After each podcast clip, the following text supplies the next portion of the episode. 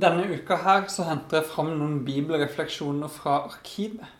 Tekster som jeg har skrevet tidligere, som jeg har lyst å dele med dere nå. I dag skal vi lese fra evangeliet etter Matteus, kapittel 14. Jesus og disiplene hans har hatt en intens dag. De har gitt mat til over 5000 mennesker. Det var mennesker som trengte seg på dem da de egentlig trengte litt tid for å være for seg sjøl og hvile. Det var mennesker som Jesus hadde all verdens omsorg for. Når dagen er over og alt arbeidet er gjort, så tror jeg disiplene er ganske slitne. Og vi leser videre hva som skjer. Straks etter fikk Jesus disiplene til å gå i båten og dra i forveien over til den andre sida av sjøen, mens han sjøl sendte folket av sted. Da han hadde gjort det, gikk han opp i fjellet for å være for seg sjøl og be.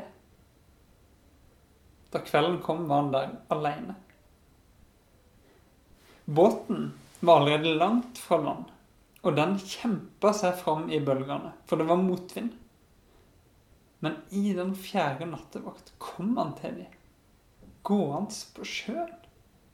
Da disiplene fikk se han der han gikk på vannet, ble de skrekkslagne. Det er et gjenferd, sa de og skreik av angst. Men i det samme talte Jesus til dem. Vær ved godt mot.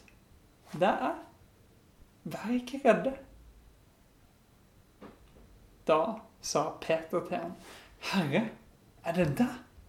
Så si at jeg skal komme til deg på vannet. Kom, sa Jesus. Peter han steg ut av båten og gikk på vannet bort til Jesus.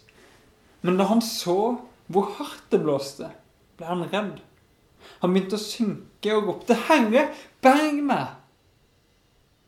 Straks rakte Jesus hånda ut, greip fast i han og sa, 'Du lite troende, hvorfor tvilte du?' Så steg de opp i båten, og vinden stilna. Men de som var i båten, tilba ham og sa, 'Du er i sannhet Guds sønn'. Da de var kommet over, la de i land ved Genesaret.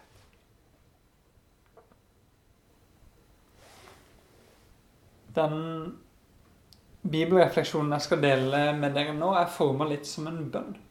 Så bli gjerne med meg inn i den hvis du vil.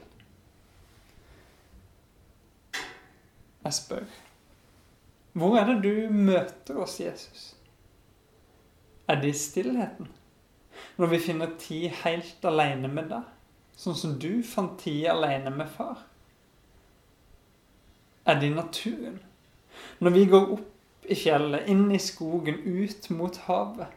Når vi går bort fra arbeidet vårt og bare nyter det du har skapt. Hvor er det du møter oss? Er det i kaoset? Når vinden blåser, når bølgene herjer, når tankene stormer, når det er så altfor langt fra land? Er det i forvirringa? Når vi ser det, leser om det, hører om det, men ikke helt klarer å kjenne deg igjen. Når vi syns du er litt for mye, Jesus, litt voldsom, litt mer enn det vi kan forholde oss til. Hvor møter du oss?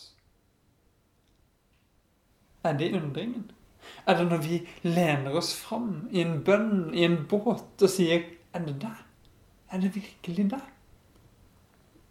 Er det imot det? Når vi tar steget ut av båten, inn i troa, ut i det ukjente. Når vi trosser frykten for å være sammen med deg. Hvor møter du oss? Er det når troa vår svikter?